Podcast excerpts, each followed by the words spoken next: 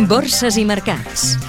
Crònica d'una setmana amb Josep Ramon Ruiz. La desconfiança i la inestabilitat política i econòmica a l'eurozona, amb Espanya oficialment en recessió, la segona en quatre anys, continuen marcant les sessions bursàries. El Fons Monetari Internacional ha reiterat que l'actual austeritat financera era necessària per aconseguir un creixement sostenible, però ara calen, diu, incentius i expectatives de recuperació. En aquesta línia, la Unió Europea ha llançat la convocatòria d'una cimera sobre el creixement econòmic després de les eleccions franceses.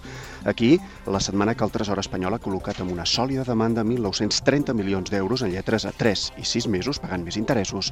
L'IBEX 35 de dilluns a divendres ha pujat un 1,5% i se situa en els 7.145 punts, obviant la decisió de l'agència qualificadora Standard Poor's de rebaixar en dos graons i en perspectiva negativa la solvència creditícia d'Espanya. I és que la desconfiança sobre els bancs, l'FMI ha demanat ajudes públiques per a la banca i, sobretot, la capacitat d'Espanya per complir amb l'objectiu del dèficit públic aquest 2012 continuen tensant el deute.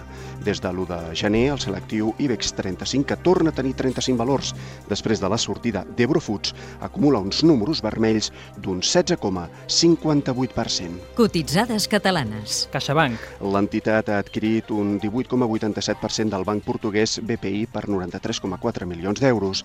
Després d'aquesta operació passarà a controlar el 48,97%. No haurà de llançar una OPA. Avertis. El líder mundial en infraestructures després de la integració de les autopistes d'Oaquel Venezuela, al Brasil i Xile, ha guanyat en el primer trimestre de l'any 517 milions d'euros, un 88% més gràcies sobretot a la venda d'Eutelsat. ACS surt de Vertis i Oaquela entra amb un 15% de la catalana. Banc Sabadell ha presentat uns sòlids resultats i que han superat les previsions del mercat fins al març, ha guanyat 80 milions d'euros, un 5% menys respecte al primer trimestre de 2011. Grífols. Superant també les estimacions dels analistes, de gener a març ha guanyat 67 milions i mig d'euros, gairebé el doble que en el mateix període de l'any passat, gràcies a la integració de la nord-americana Telecris. Catalana Occidente. L'asseguradora, que ha executat l'opció de compra sobre el 6,48% de Tradius, ha obtingut uns beneficis de 54 milions d'euros, un 15% menys respecte al gener-març de 2011.